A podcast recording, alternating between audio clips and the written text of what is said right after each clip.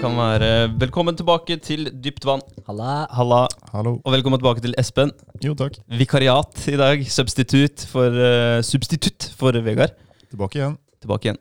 Det er eh, veldig bra, og jeg tenker at du skal få lov til å si noen ord om deg, for det glemte jeg egentlig forrige gang. Du Ja. bare, det var naturlig at du var her, siden vi har snakka om deg ganske mye. Og jeg og Henrik er jo på en måte vant til å henge med deg, men eh, det er ikke den store følgeskaren til Norges eh, største podkast. Stemmer. Så du må fortelle litt om deg sjøl. Ja. eh, jeg heter Espen Brandthaugen eh, fra Halden. Eh, jobber som prosjektingeniør på Nexans. Annet enn det så har jeg starta opp Nøyd sammen med André her. Fett. Eh, Det er fett. Ja. annet enn det så er det trening. Så har jeg en sønn på fire år. Ja. Det tar opp litt tid. Det tar opp litt tid. Sønn på fire år, og du har et hus du må ta vare på. Og du har eh, ja, mange jern i ilden, du også. Det er, mm. det er sånn det er å bli voksen. Da får man eh, en del mer ansvar enn det man hadde når man eh, var in early twenties og før det. Og det er gøy. Det er gøy. Det er gøy med litt uh, responsibilities. Ja. Um, hva er ditt favoritt? Du er prosjektingeniør. Mm. Hva eh, hva er ditt favorittprosjekt? Har du en type prosjekter du er mest, mer glad i enn andre, eller åssen Nei, altså det, det, det går jo det samme. Altså i den type kabel som jeg jobber med, da. Umbilicals innen olje og gass. Eh, så det kommer jo an på hvilke kunder det er, f.eks. Ja. Det er jo både Equinor, BP rundt om i verden. Så det er, um, det er litt forskjellig. Møter mange forskjellige kulturer og arbeidsmetoder. For Det er ganske store firmaer man eh, snakker om her. da. Du har Equinor, som, var, som er nye Statoil. Mm. et Statoil før. Og så er det BP, er vel British Petroleum, Petroleum. Eller noe sånt. Ja. Så har du Saudi Aramco og Ja. ja. Er- mot rundt i hele verden. Så du må, du må håndtere litt forskjellige språk, og du må Ja. Ja dealer. Det må vel du òg, Henrik? Gå, går, går på engelsk, da. Ja. Det gjør det. ja, ja. For det meste. For det meste. Ja. Ja, det er ikke arabisk og Nei. litt britisk. Heldigvis slipper jeg arabisk. Ja. Ja. Det hadde blitt tungt. Ja, men dere, dere må i hvert fall, uh, hvert fall um, holde engelsken intakt. Mm. Og det er, Nexans er vel opprinnelig Er det franskt? Ja. Nexans? Et eller annet sånt noe. Stemmer.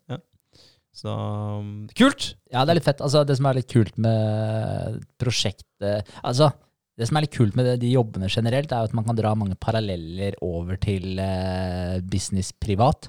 Mm. Du, eh, du følger jo et prosjekt fra A til Å.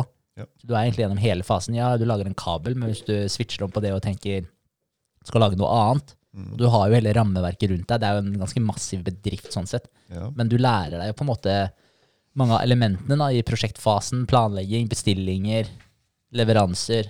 Det, det er mye nyttig erfaring man kan ta med seg derfra Det er det.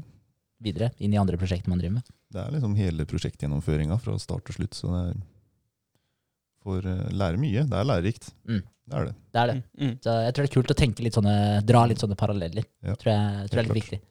Selvfølgelig. Det er, eh, det er, det er nyttig. Og jeg tror det, det er vel sånn typ, Det er jo repetisjoner for hjernen din nå. Hvis du Mm. klarer å gjøre det i løpet av en arbeidsdag. Altså Hvordan kan jeg knytte det her til, til eh, privatlivet mitt? Hvordan kan jeg gjøre, knytte det her til businessen min, som jeg har på Mm. siden? Og det, det blir sånne tankerepetisjoner.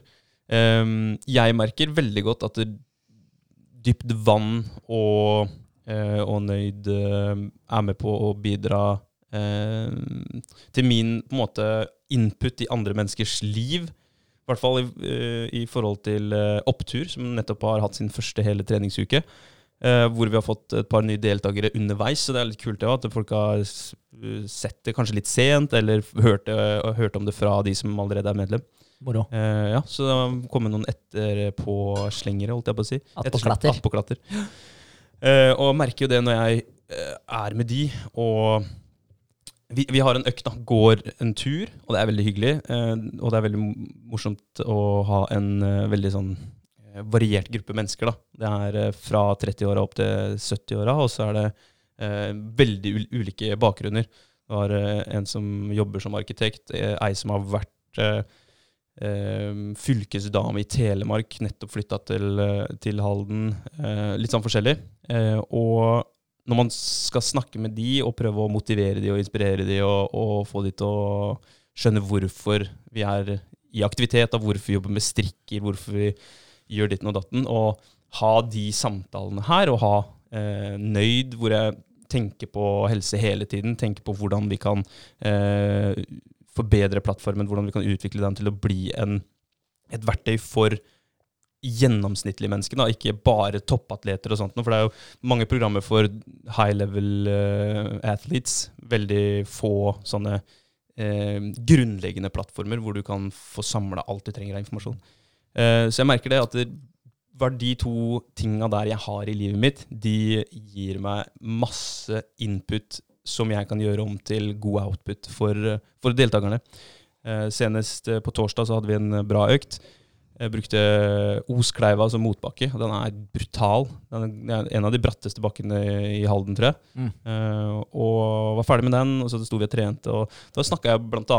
om eh, om accountability mirror, uh, hvordan det funker, og at uh, kanskje de kan dra med seg det da, i forhold til opptur, og hva de vil med opptur. da. Hva er det du har lyst til å oppnå i løpet av de ti ukene? Sette det på, på speilet, så får du alltid en påminnelse om hvorfor du skal møte opp på tirsdagen og på torsdagen. Fett. Fett. så det, de, de er kjempe Jeg syns det er dritkult at du kommer med sånne verktøy. Og den derre som jeg snakka om for litt siden, det derre fysisk Nei, fysiologisk sukk. Det er veldig mange stressa mennesker òg, kanskje litt ekstra stressa med å komme inn i en ny gruppe og sånt noe. Og det har også vært et verktøy for, for noen av dem. da. Bare ta det der sukket, og så Så er de litt roligere, da. Kult. Ja. Men, eh, men eh, accountability mirror også, hvordan tok de det? Var de eh, positive til det? Er det noen som skulle gjøre det, eller? Jeg gleder meg til å høre på, på tirsdag og se om de har tatt det til seg.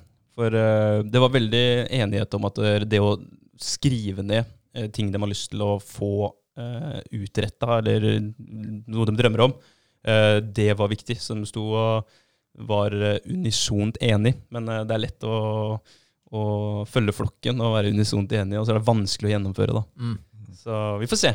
Ja. Mm. Nei, men eh, dritkult. Men jeg, jeg, må, så, jeg må si meg enig der, i Mm. forhold til ja, visse plattformer, hvor mye det faktisk gir meg også. Det Mm. med bare å sitte her og prate, den tingen her. Også hvor mye modigere det har gjort meg, hvor mye tryggere på meg sjøl jeg er, hvor mye mer jeg driter i eh, hva andre nødvendigvis mener. Jeg tenkte mye mer på den biten her før. og altså, det er, så, det er så mange elementer da, som spiller inn på det, som, eh, som er veldig positive.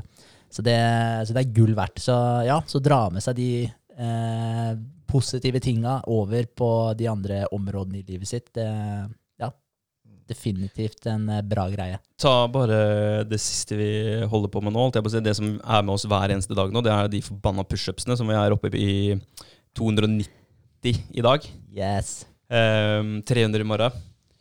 Og jeg merker jo at det, er en fin, fin greie inn i livet mitt, for du får en sånn der struktur på at, det her, at det, du må bare gjøre det hver dag. Eh, Du kommer ikke unna. Uh, Det er én ting, men den mest vesentlige tingen, det er uh, hvor lite som skal til da, for å skape 10 mer selvtillit. Jeg merker det når jeg, jeg har konstant pump i brystet. ikke sant? Og med en brystkasse som står framover, kontra en brystkasse som eh, trekker innover og er lut, det er stor forskjell. altså. Og den følelsen man har når, når brystet er fram og opp, den er ganske mye bedre enn motsatt. Helt så, så, så jeg, jeg, jeg kan egentlig jeg kan banne på at det er minimum 10% mer selvtillit og eh, bedre selvfølelse eh, når du har gjort unna de pushupsene. 100% Men det er jo bare Altså, det er jo flere ting der. Det ene er jo Har dere hørt om power poses? Eh, Nei, tror jeg Jo, ja. jeg tror jeg har hørt om det, men uh, du får lage bilde. Ja.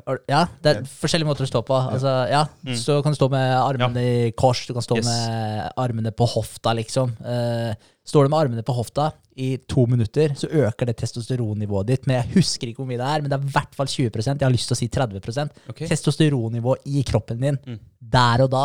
To minutter ved å stå på den måten. Sjukt. Det er sjukt, ja. Så jeg tenker akkurat. Hvorfor, hvorfor det, egentlig? Sånn, Jeg, jeg vet ikke. Det, det er bare, jeg tror det bare signaliserer Ja, det eh, et eller kroppen, hjernen din. At du bare forteller altså, Skru på en bryter. Ja, når du raker ryggen, du står der, du utstråler selvtilliten. da. Du er, som André sier, du er ikke hunched over, lut i brystet. Altså, du bare, du Ja, du, du står der og utstråler mer selvtillit. Bare den greia der øker seriøst testosteronnivået ditt drastisk. To minutter. Mm. Og da tenker jeg, når du da tar de pushupsa, det er ikke bare det at du gjør en ting som du har sagt du skal gjøre, og nå begynner den tingen å bli krevende òg. Når Mm. du var på 100 pushups, 100 til Det er 200 sånn- var fair enough, Ja, liksom. ja. Det, har, du, har du trent en del pushups, så, så er ikke det verdens største milepæl. Eh, men eh, 300 Når du er konstant i brystet. Ja, det, det, begynner, det begynner å hjelpe. Uh, så, så når du da overkommer den, så gir jo det deg en uh, veldig god følelse. Du føler at du vinner hver eneste dag. Mm. Og i tillegg er det som du sier, når du går med pump i brystet, du, du føler deg stram. Mm. Og Ja, det hjelper deg Jeg tror det hjelper deg gjennom hele dagen. Jeg føler jeg vinner hver eneste dag når jeg tar de pushupsa. Det tror jeg. Også en annen ting da, i forhold til den, den sånn eh, poses generelt. Uh, Jeg husker eh, en god venn av meg eh, Vi trente amerikansk fotball sammen. Vi spilte litt kamper og var i Haugesund og spilte kamp og sånt noe. Så jeg faktisk eh, traveled Norway for å spille eh, amerikansk fotball. Det er litt kult. Fett. Eh, men han, eh, han var veldig opptatt av det. Han var treneren vår også, Travis. Eh, i, når du er in game og kjører hardt og liksom er eh, Ja, begynner å bli sliten, så unngå å henge på, på hoftene, henge på låra, liksom. Mm. Sette armene i og lene seg over. Demonstrasjon. Vise svakhet, vise tegn på at du er sliten, vise tegn på at du ja, ikke har like mye energi som du hadde for eh, ti minutter siden. Mm. Det er liksom no go. Mm. Men den uh, hånden på hofta som du snakker om, er jo litt motsatt. Det er jo Superman pose. Yes. Yes, det er jo Clark Kent. Stemmer. Ja. Superman pose. Ja. Men, men det er veldig sant, for du sender du, Det er ikke bare det at du sender signaler over til motstanderen din, men du sender selv signaler til deg sjøl òg. jeg tror jeg nevnte den tidligere òg, men det var noe japansk saying at dere uh, ikke snakk stygt om deg sjøl. fordi krigeren inni deg hører hva du sier, Mm. og krigeren inni deg blir mindre av Eller lessened by it, da. Den blir lei seg, holdt jeg på å si. Ikke Mm. lei seg, da, men Han blir, ja, men blir det er mindre. Ja. Ja. blir mindre av det. Mm. Og det er så jævlig sant. Ja, ja, det er det. Du, du vil jo påvirke deg sjøl hver eneste dag, uansett hva du gjør. Og sånne eh, i, I ekstremsituasjoner, da, når du er dritsliten, da vil det være mye mer merkbart. For det er, det er ganske små marginer som skiller en vinner og en taper, egentlig, når man er midt i, i et sånt spill. da. Mm. Så det er kult, kult å tenke på at du har du har alltid kontrollen sjøl over hvordan ting skal gå i livet ditt. Mm. Og det er ganske små ting, små sånne justeringsbrytere vi kan drive og, og manipulere både kroppen og hodet vårt hele tiden. Det er, eh, og det er, det er kult. Det er dritfett. Det er litt kult det du sier der òg, at det er små marginer som egentlig skiller en vinner fra en taper også. Uh, i, uh, jeg klarer dessverre ikke å huske detaljene, for det, det var faktisk jævlig kult. Jeg kunne ønske jeg huska de, men samme av det. Det var sånn type Hvis uh, Si baseball, for eksempel, da, i forhold til hvor mange ganger du treffer den ballen. Så var det sånn, hvis du økte med prosentandelen med treff, da, med sånn Hvis du var amatør, eh, på et eller annet nivå, du traff så og så mange prosent, da. Økte du med 1,5% så var du brått i, i, opp et hakk, liksom. Økte du med 1,5% derfra, da var du brått i major league. Mm. Så, så det var sånn Det var nesten ingenting som skulle til da, før du var fra amatør til toppnivå. Mm. Nesten ingenting. Så, så det er ikke, det er ikke stor, nødvendigvis så stor forskjell på det. Nei, det, Det er sjukt at det er så små ting som kan utgjøre så mye. da. ja. Mm. Det, Og du kan jo dra de parallellene overalt i livet. Bare mm, sitter her og tenker på Hvis du vil opp eller ned i vekt, det er egentlig supersmå justeringer som skal til. Det er Si du dropper å spise én ting i løpet av én dag, og legger til ti minutter mer aktivitet i løpet av en dag. Så da, det har kosta deg da ti minutter pluss eh, et innkjøp, så du har spart litt penger. Eh, hvis du gjør det hver eneste dag, så vil du gå ned i vekt. Mm. Og motsatt, da. Det, er- det er små justeringer. Ja. Så det er små marginer som skal Problemet der er vel at uh, folk vil at det skal gå fort. Ja, Det skal gå så fort. Ikke sant? Og da er man over på den der dietten. Og Mm. diett eh, er eh, latinsk for midlertidig, typ. Ja, Ja. Ja, det, det er jo det. ja, da, Eh, ja. Ja, for det, er- det er jo som du sier, Espen, at du Det handler jo om livsstil. Det handler ikke om et enkelt verktøy eller et enkelt eh, moment i livet ditt da, som skal forandre. Det er, du må, det er livsstilen du må du tweake, da. Og det er, klart. er tweaking som må til. Ja. Og så kroppsmessig òg. Altså, det mener jeg helt seriøst. Kropp 90% kosthold. Det mener Ja. jeg. Det er sånn, Alle har en sixpack under der. Ja, Det er bare hvor mye drit du har på utsida av den sixpacken. som eh, ja, og hvor store sixpacken er, selvfølgelig. da. Ja. Men, eh, men ja, jeg tror de fleste tweaka litt kosthold, så hadde mye vært gjort. Jeg sa det på jobben at liksom sånn, for vi drev og snakka om det, da, så ja, Det er jo mange da som har litt, eh, litt ekstra. eh, og så er det liksom eh, Uten å nevne navn. ja. men, eh, men det er sånn eh, Hva skal jeg si? De, de bare aksepterer det, akkurat som at der, Jeg hører den så ofte, da. At der, ah, nei, eh, kroppen forfaller når du blir så og så gammel og bla, bla. Så fuck you, jeg har sett 70-åringer med sixpack, liksom. Mm. Det, du, det, må ikke, det må ikke forfalle hvis du ikke lar det forfalle. Mm. Men det er akkurat som at folk eh, aksepterer den, og så føler de at det er så forbanna lang vei tilbake. Mm. Men jeg tror ikke de ser helt den at begynner å tweake det lite grann, Mm. og som du også er inne på, Espen, eh, over langen, ikke bare lite grann, da. Mm. Eh, eller ikke bare over kort tid. Eh, så, så er veldig, veldig mye gjort. Men da fikk jeg tilbake med en gang, da jeg sa 90 er kosthold. Så, kommer det en annen bare ah, ja, så må du trene seks timer om dagen og bla, bla, bla, liksom. Og jeg bare ja, ja, ja, greit. så, så jeg tror folk eh, Jeg vet ikke at man ser så stort på det. Mm. Men det er noe med det at det tar en, tar en liten del av gangen. Improve den, Mm. og så bygger det på seg derfra. det, det er veldig vanskelig å få umotiverte mennesker til å høre på deg. Det er veldig vanskelig å få umotiverte mennesker til å gjø, gi en innsats. Så det er det der, Du må finne motivasjon til den personen du snakker med, da, og det er vanskelig å gjøre over lunsjen på jobb. liksom, Det får du ikke til. Så jeg også er borti det, altså sitte i lunsjen, og så kommer det en eller annen tett kommentar om trening eller kosthold.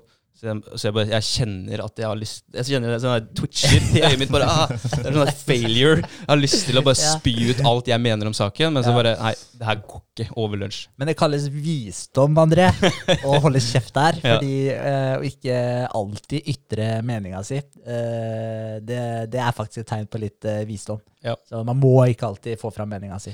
Nei, og det, det har jeg faktisk eh, lært over de siste fem åra. Så visdom kommer med alderen. Det er ikke kødd. Det er ikke kødd. For, de, for mange, da. For ikke mange. for alle. Nei, ikke for alle. Eh, men, det, men litt rundt eh, det også. det med å faktisk komme med tips til folk for å, for å hjelpe folk til at, til at de skal forbedre seg. Eh, hvis du ser at noen har et problem, åpenbart så har de et problem, og du har et verktøy som du vet kan hjelpe den personen, så er det jo veldig lett at man er liksom sånn Men bare gjør det her, liksom. Så prøv det her. Eh, så, så vil det bli i hvert fall litt bedre. Det er jo klasseeksempler med han andre på jobb, har jeg fortalt om som eh, eh, jeg vondt i ryggen? Eller? Nei, den pusteøvelsen. Oh, ja, ja. Eh, for han stresser så jævlig, da. Han klarer ikke, han sover fire timer om natta. Han har en klokke som viser han stressnivået sitt. Jeg er bare sånn, Første du er jo å pælme klokka der til helvete. For du blir jo, du blir jo stressa av klokka, liksom. For han ser hvor stressa han er, og så blir du stressa av hvor stressa han er. Så det er jo helt tragisk. Eh, men han klarer ikke å legge fra seg jobben, for han har så mye å gjøre, overarbeida, og så bare ligger det her og bare gnager. Eh, så sa jeg til han eh, ta den pusteøvelsen her. Det var Wim Hof. Kjør den. Det, det tar deg 15 minutter å kjøre den pusteøvelsen her. Og jeg er helt sikker på at det her kommer til å gjøre deg godt da, for stressnivået ditt. Mm. Eh, og så masa jeg på den i kanskje Jeg vet ikke, jeg holdt på hvert fall på i tre måneder. Masa på den. Og fortsatt ikke gjort det. Så nå har jeg bare gitt opp, og nå er det, vært, det er sikkert over et halvt år siden jeg spurte om eh, Eller nevnte det for han. Han sa han skulle gjøre det, men eh, det ble aldri noe av. Og da mener jeg sånn hvor, Når du ikke har motivasjonen for å bli bedre på en ting, da, som du snakker om, André, når, du, når det ikke er noe motivasjon der. Så jeg har begynt nå jeg å bare gi faen. Jeg trenger ikke redde alle sammen. Jeg trenger ikke hjelpe alle sammen. Så det er, det er et ordtak som heter at du skal ikke kaste perler foran svin. Det er et ganske stygt ordtak sånn, i utgangspunktet, men hvis man faktisk ser på betydninga av det ordtaket, så er det veldig mye sannhet i det òg. Mm. For det er ikke vits å kaste, bruke energi på å gi gode råd, og, og virkelig bruke energien din på å bry deg om noen som faktisk ikke bryr seg om seg sjøl. Mm. Det, det bare drainer deg. Ja, du bruker opp all energien som du kunne brukt på en annen som er motivert, da. Ja. Og som kan hjelpe deg tilbake igjen. Selvfølgelig. Eller på deg sjøl. Eller på deg sjøl. Ja. Ja. Begge deler. Begge deler. Så kan du dele 50-50, da, så får du dobbelt opp. Yes. Men eh, helt enig med deg, og det, det har jeg begynt å se også. Og det, uh, men jeg har, som det står på det ene kortet mitt på speilet, så er det jeg vil hjelpe flest mulig. Uh, jeg vil hjelpe mennesker og flest mulig, står det der. Og, men, men man må man må ta hensyn til seg sjøl, og man må kjenne sine egne grenser. Og man må finne en måte å gjøre det på, da. uh, uten å tømme seg sjøl. Og det er jo det en nøyd skal gjøre, da. Mm. Nice. Ja. Liten snikreklame. ja, det er bra. Men, uh, men uansett, uh, jeg ser jo det på, på oppturkandidaten også. De, de har eh, funnet en motivasjon. Da. De har liksom sett den annonsen og så bare Å, det her er en perfekt anledning for meg til å forplikte meg til noe. ikke sant? For det koster jo penger. Og når du, med en gang du legger igjen noe penger, så vil du ha mest mulig for valutaen din du legger inn. ikke sant? Mm. Eh, og, og det er eh, en test før og en test etter. Og alle har lyst til at den testen etter ti uker skal vise en for forandring, og da helst det bedre. ikke sant? Mm. Eh, det er ganske åpenbart. Mm. Eh, og det, det hjelper. Da har du en motivasjon der. Da har du egentlig flere motivasjonsfaktorer. da. Du har en indre motivasjon, du har funnet ut sjøl at du vil Det her vil jeg, faktisk. Og så har du den ytre motivasjonen hvor du får et eller annet i handa di etterpå. da. Så, Da blir det nesten en sånn liten konkurranse da, når du skal måle Ja. framgang. Og, ja. ja, Se hvem som har for- forbedra seg mest, eller Men eh, det kommer jeg ikke til å gjøre, da. Det jeg Førsteplass, andre dagen. Taper! Nei, det skal jeg ikke gjøre. Nei. Men uh, ja, og så opptur er et jævlig kult uh, et, En kul, kul del av hverdagen, sånn sett. Men, men det som er litt uh, interessant, da, er jo det du sier med at de har faktisk betalt for det her. Vil ha mest mulig igjen for pengene sine. Så du har jo en, uh, et insentiv om å gjøre Mm. det beste du kan. Mm. Uh, og det fins jo mange måter å Hva heter det for noe? Uh, leverage. Hva, hva er det norske ordet for det? eller? Ja, men ikke utnytte. Lever, skape leverage. Altså skape Overtak. moment, på en Ja, måte, da. ok, ja. Men ja, altså Når noen har et leverage på deg, så har de et overtak på deg, eller de har en Hva heter det? Um, ja. jeg, jeg, klar, jeg finner ikke norske ord, men samme det. Jeg skjønner Ja. hva jeg mener. Mm. Skape noe leverage eh, som eh, og, eh, og de har jo på en måte Opptur har jo gir dem på en måte en leverage ved at de må betale for det tilbudet her. Ja. Eh, og så får de jo selvfølgelig da eh, tider å møte opp på, som de må forplikte seg til, osv. Så, videre. så da, da er de jo allerede i gang. Men det går an å skape leverage utafor sånne programmer òg. Finne Ja, ja. måter å skape det på med seg sjøl. Kla, Mm. klarer du å gjøre det med deg sjøl, da har du kommet jævlig langt. Mm. Men hvis man ikke klarer det, gjør det med vennene dine. Sånn som Ja. med pushups-konkurransen vår. Mm. Gjør hverandre ansvarlig hver eneste dag da, ved å melde ifra på den der gruppa at du har tatt dem. Så får du en liten like fra de andre, og så er det en god følelse. liksom. Da har du, da har du gjort jobben din. Mm. Og da skaper du jo en leverage der, da, i forhold til det at du, du, du, du må gjøre det. Mm. Men uh, hvis man klarer å komme dit at man kan skape leverage alene, kun for seg sjøl, da tror jeg du, da, da har du kommet langt. Mm. Og så er det noen som må ha et uh, realt dytt i ryggen uh, før de klarer det. da. Så det er det sanne type uh, kurs og, og prosjekter er til for. Bare se på, på uh, Smart Innovations. Dere har betalt penger for å være med der. Og det vil jo også si at du og Vegard vil gjøre det meste og beste ut av det. Så du kommer ikke tomhendt til en økt med mentor eller en økt med cluster Clusterfucken, holdt jeg på å si. Cluster-folka, da. Ja, Eh, Så du må liksom være litt forberedt og delta, og, sånn at du får mest mulig ut av eh, opplevelsen, erfaringen og, og sånt noe. Det det er veldig sant. Det med mentoren også. Altså det er sånn, når du har den Takk. mentoren, altså du, du, kommer ikke, du kommer ikke dit du ikke har gjort noe. Da, da har du kasta bort pengene dine, du har kasta bort tida til mentoren, og det, det er bare waste for alle Mm. sammen. Så, så, så da kan vi trekke en parallell der. At etter hvert som eh, dere har eh, skapt eh, mer eh, med hjelp av de pådriverne dere har, da, det ben, den bensinet de heller på bålet deres, den, eh, ja, de flammene den skaper hos dere, da. eh, Jo, jo lengre dere kommer, jo mindre trenger dere dem egentlig. ikke sant? Og det blir jo samme som eh, å betale for noe trening. da. Altså, Du får hjelp i starten, og så klarer du det kanskje sjøl eh, etterpå. Kanskje. Det er ikke alle som klarer det. Absolutt. Så, og dere kunne helt sikkert klart det uten, eh, uten eh, hjelp fra Smart Innovations, men da hadde det kanskje tatt trippelt så lang tid. da. Ja. Så det er en boost i starten. Helt klart. Eh, men det, det man også må være forsiktig med da, når man snakker om det med å, å skape leverage Altså hvis du, hvis du setter for mye press på deg sjøl, og du ikke klarer det, så gir det deg den stikk motsatte av den gode følelsen som du egentlig leter etter. Og da kan du kjøre deg sjøl helt i grøfta. Mm. Uh, og jeg vet ikke med dere, men jeg er i hvert fall min egen største kritiker. Ja, ja. Men uh, heldig, eller hva skal jeg si, heldigvis. Altså jeg, jeg, eller jo, heldigvis. Jeg har vært forholdsvis pliktoppfyllende. Det har jeg fått mye fra foreldrene mine òg. Når jeg kom hjem fra skolen, første jeg måtte gjøre når jeg kom hjem fra skolen på barneskolen, det var å gjøre ferdig leksene mine. Mm. Det var ikke snakk om å gjøre noe annet før jeg hadde gjort ferdig, ferdig leksene mine. Så, Så, så, så sånne ting har jeg på en måte tatt med meg videre. Treninger. Jeg har faste tidspunkter på treninger i uka. Jeg hadde i hvert fall fem treninger i uka som foreldrene mine kjørte meg på. Det også har gjort at jeg har satt et klokkeslett. Jeg har lagd en avtale, ikke bare med meg sjøl, men også selvfølgelig lagkamerater, trenere osv., om at da skal jeg på den treninga. Og det, og det har jeg hele tiden gjort. da. Så jeg har vært eh, veldig pliktoppfyllende. Heldigvis har jeg fått det litt inn eh, mye fra foreldrene mine, tror jeg. Eh, og, eh, og det har hjulpet meg veldig mye senere også, så jeg har på en måte fått det i doser hele veien.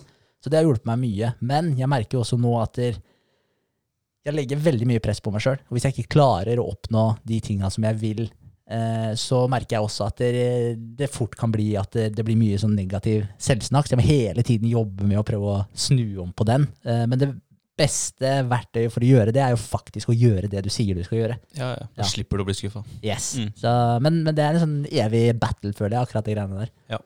Men vi har, vi har, det har vært et tema på podden de siste to gangene, det, tror jeg. Det var Ja, det er jo en 80-20, da. At du må prøve å bruke mer tid på å prise deg sjøl istedenfor å, å rise deg sjøl, rett og slett. Ja. At veldig mange er for harde, og så Kanskje med god grunn, da.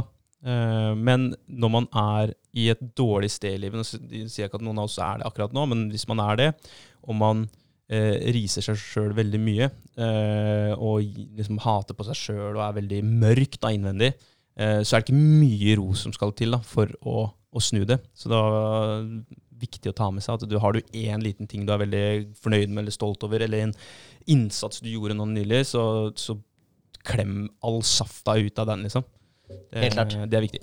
Mm. Mm. Og sette opp småting, da. Altså Om det er uh, Du skal bare sette, sette på en alarm. da Bare, Ok, i morgen skal jeg ikke slumre, for eksempel, da. Du, du trenger ikke stå opp midt på natta, men altså bare, bare sett på en alarm og bare si til deg selv at det skal jeg gjøre da. Og så kanskje ok, jeg skal ta ti pushups, da.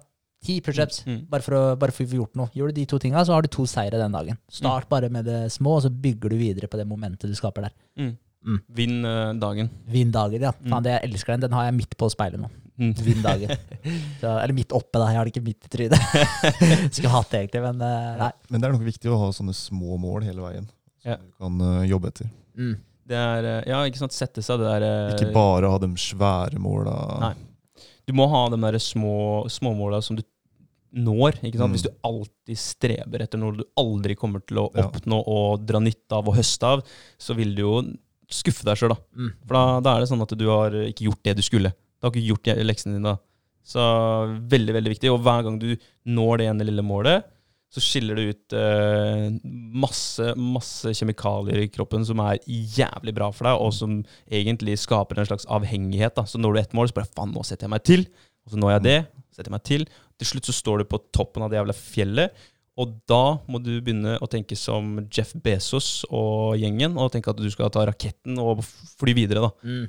Det blir jo litt sånn, De har jo klatra opp et jævla svært fjell, og så er de ute i verdensrommet. Ja, men, mm, tenk, dere de, tenk dere de målsetningene der, liksom. Bare, det er så sjukt, det. Uh, Elon Musk, for eksempel. Bare det med at nei, han skal til Mars. Han skal, han skal eh, hva heter det for noe? Bosette Mars. Mm. Det er et sjukt jævla mål å ha. Det er et hårete mål.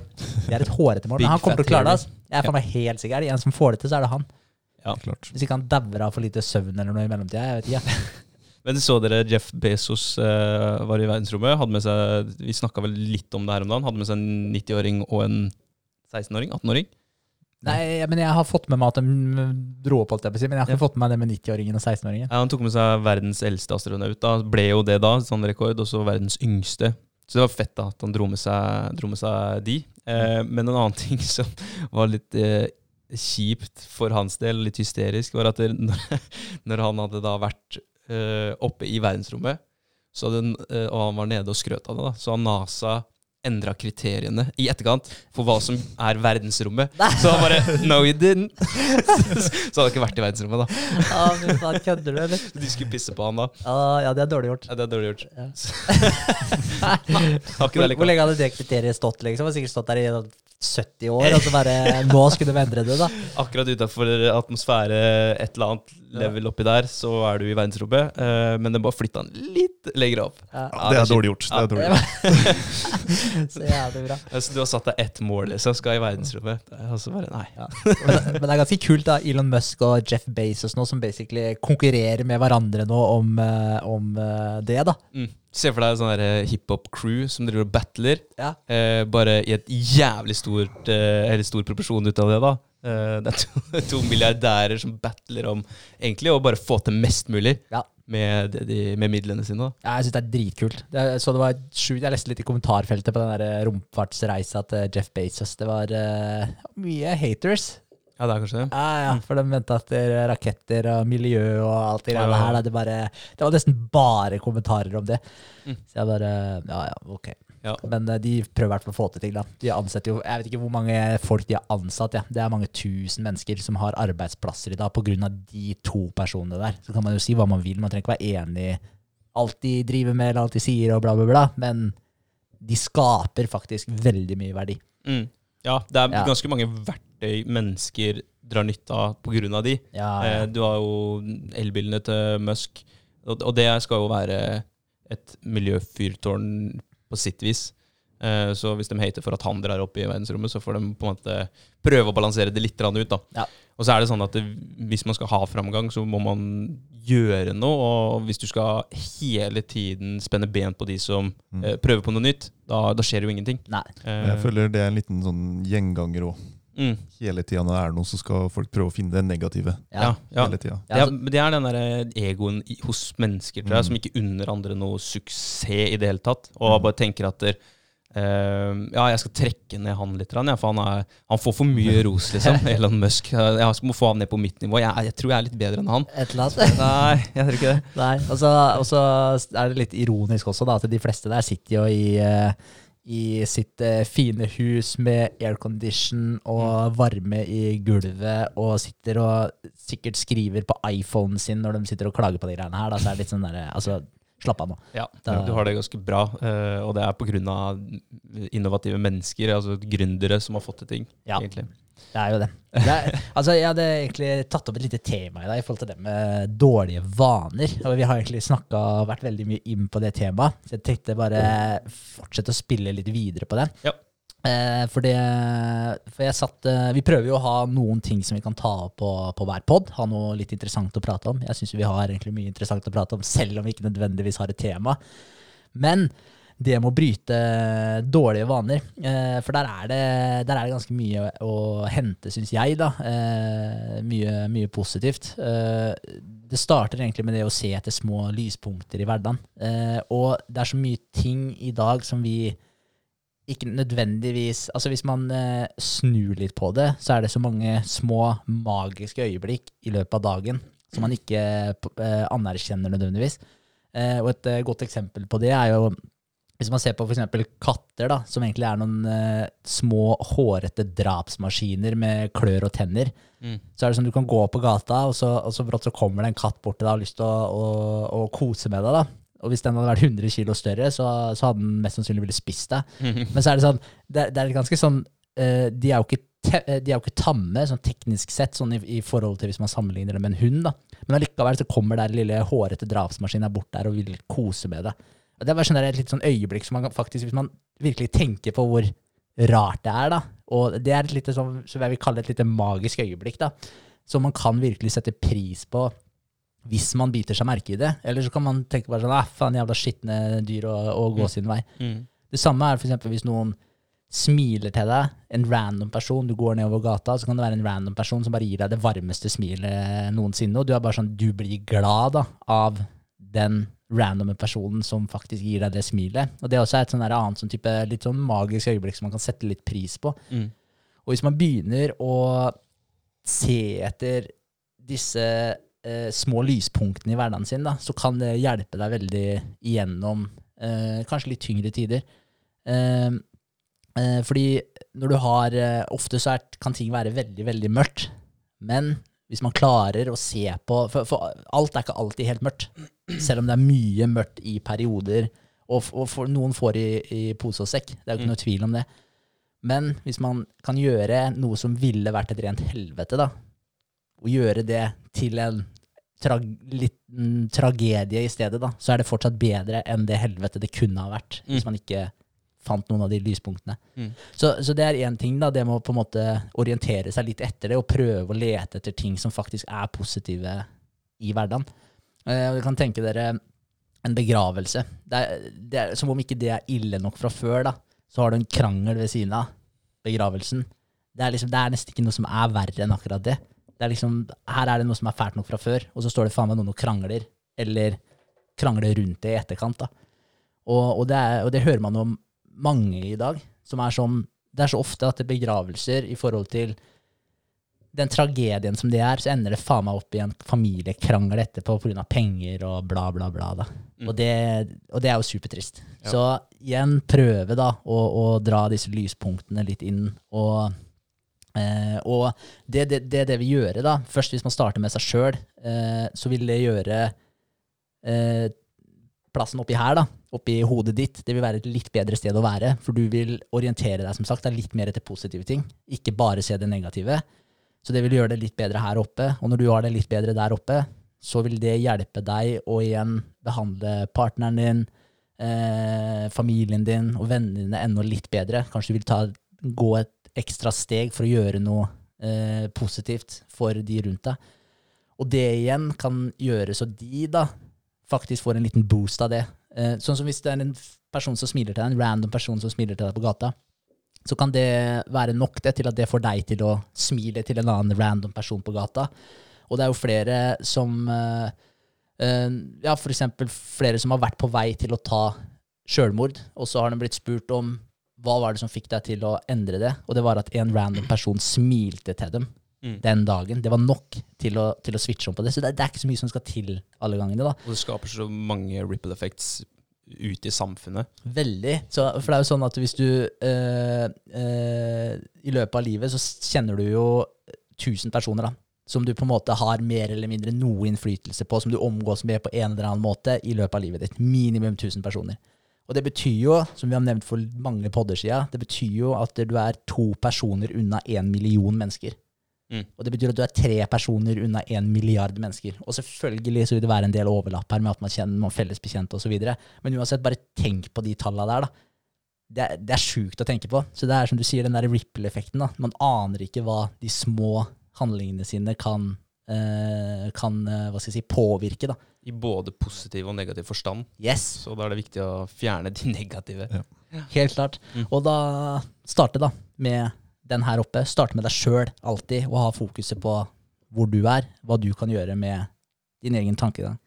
Eh, så er det jo det med at der, eh, eh, hver gang man lærer et eller annet, eh, så er det ofte at da har man støtt på noe eh, på et eh, ukjent område. Når du, når du får deg en lærepenge, da, så har du f.eks. utført en handling som ikke fungerte helt. Du har kanskje hatt en samhandling med noen som gikk skikkelig galt, og så er det bare wow, hva, hva skjedde her? Du må ta et steg tilbake.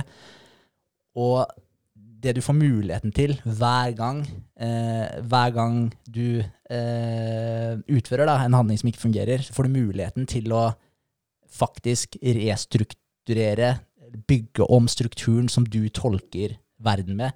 Så hver gang det skjer et eller annet som du må ta et lite steg tilbake og se ok, hva, hva skjedde her, så har du faktisk muligheten da, til å, til å hva skal jeg si, ekspandere eh, rammeverket som du tolker verden med.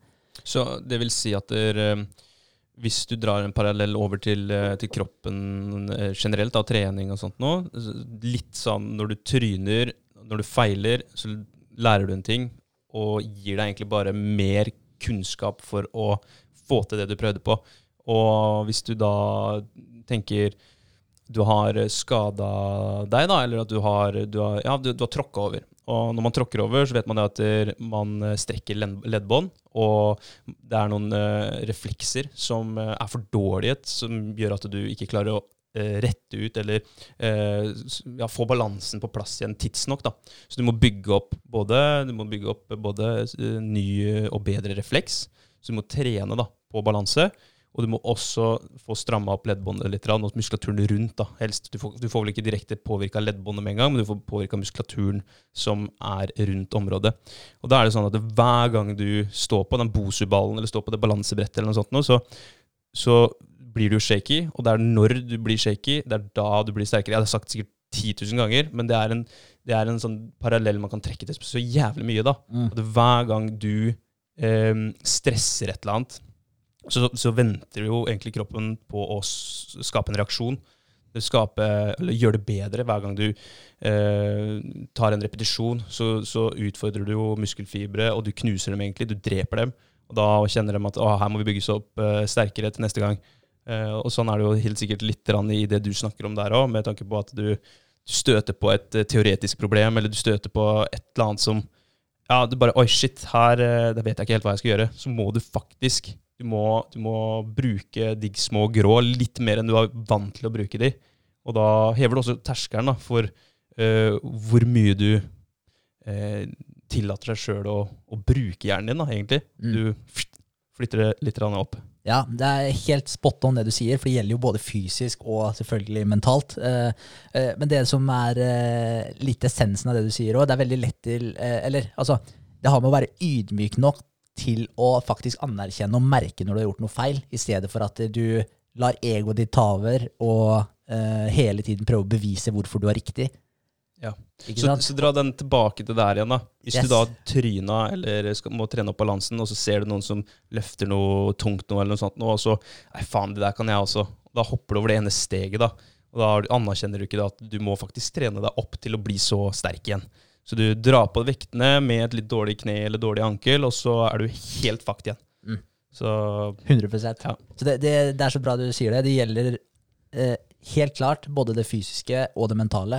Men, eh, men det er alltid så mye lettere. Og, fordi når ikke kroppen din funker, så funker ikke kroppen din. Ferdig snakka, liksom. Så, så der er det sånn Du kan la egoet ditt styre deg så så langt, men når det kommer til eh, det mentale, så selv om det er en mental anerkjennelse og faktisk eh, innse at ok, jeg var ikke så sterk, jeg må ta, det, jeg må ta et par steg tilbake her, eh, så er det fortsatt kroppen din sier ifra. Men eh, når det kommer til eh, det mentale, så kan det hende at du sakte, men sikkert støter vekk folk rundt deg osv. pga. valg du tar, bla, bla, bla. Mm. Nekter å se det før det er for seint. Da. da kan folk være ikke vil ha noe mer med det å gjøre, eller, eller mm. bare for å ta det som et eksempel. Da.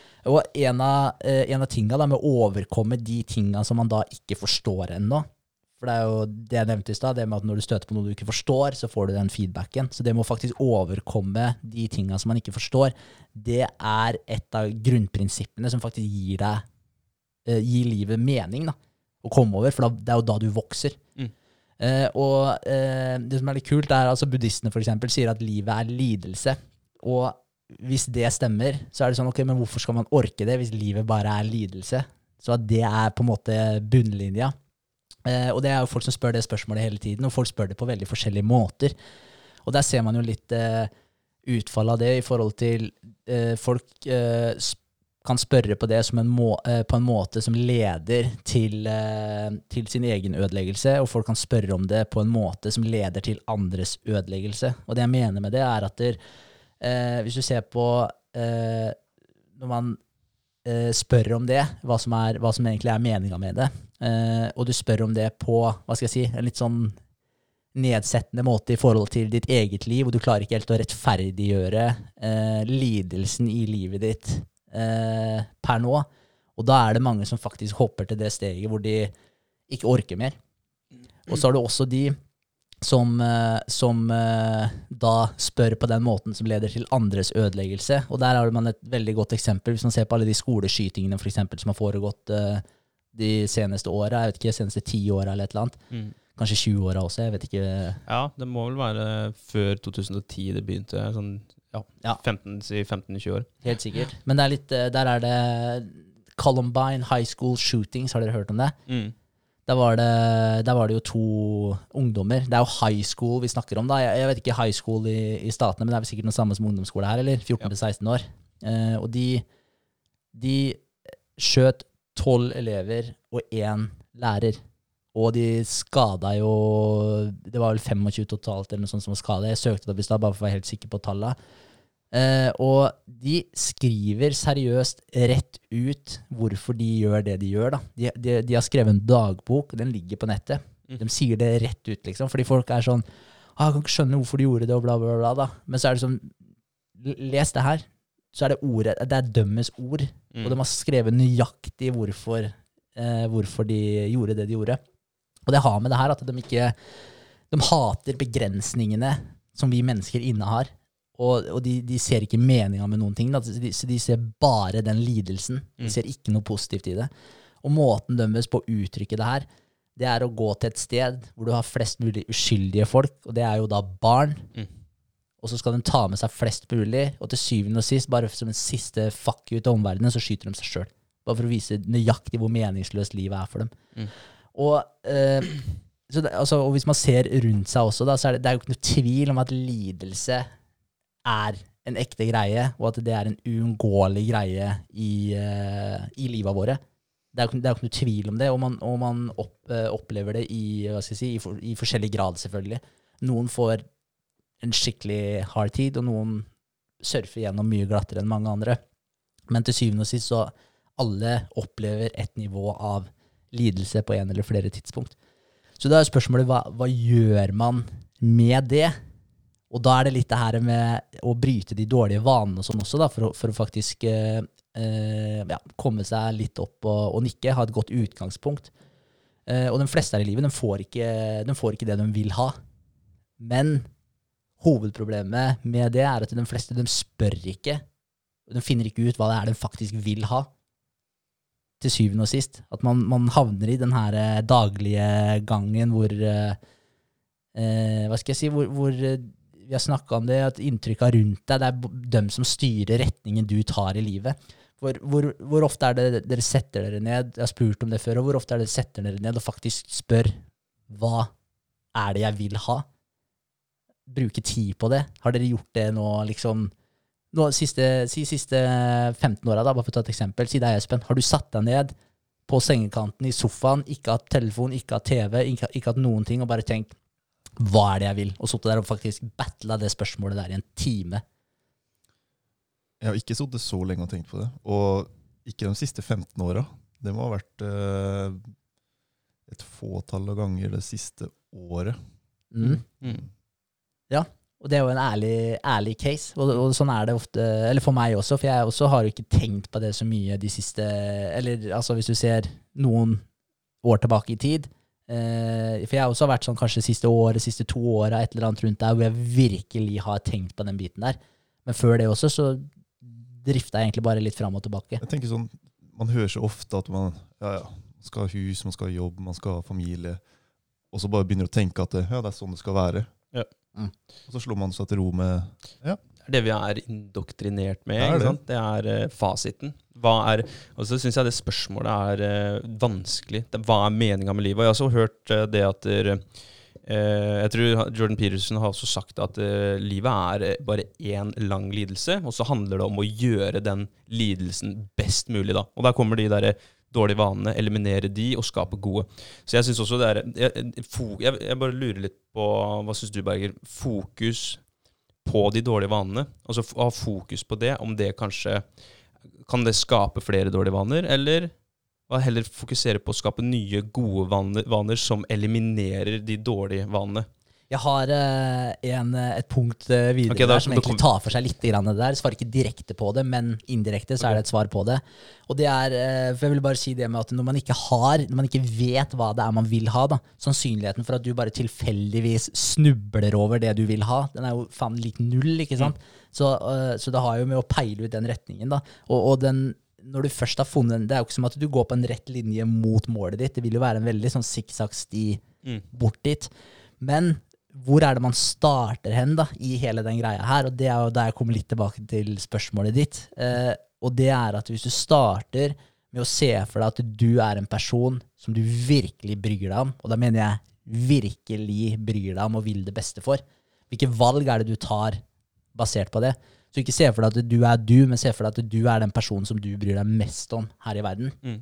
Hvilke valg er det du ville tatt? For hvis du skulle tatt valg for eh, si partneren din, eller hvem det måtte være, da, tatt de beste valgene for den personen hele tiden, og så reflekterer du de, speiler de valgene der over på deg, ville du, ville du gjort det?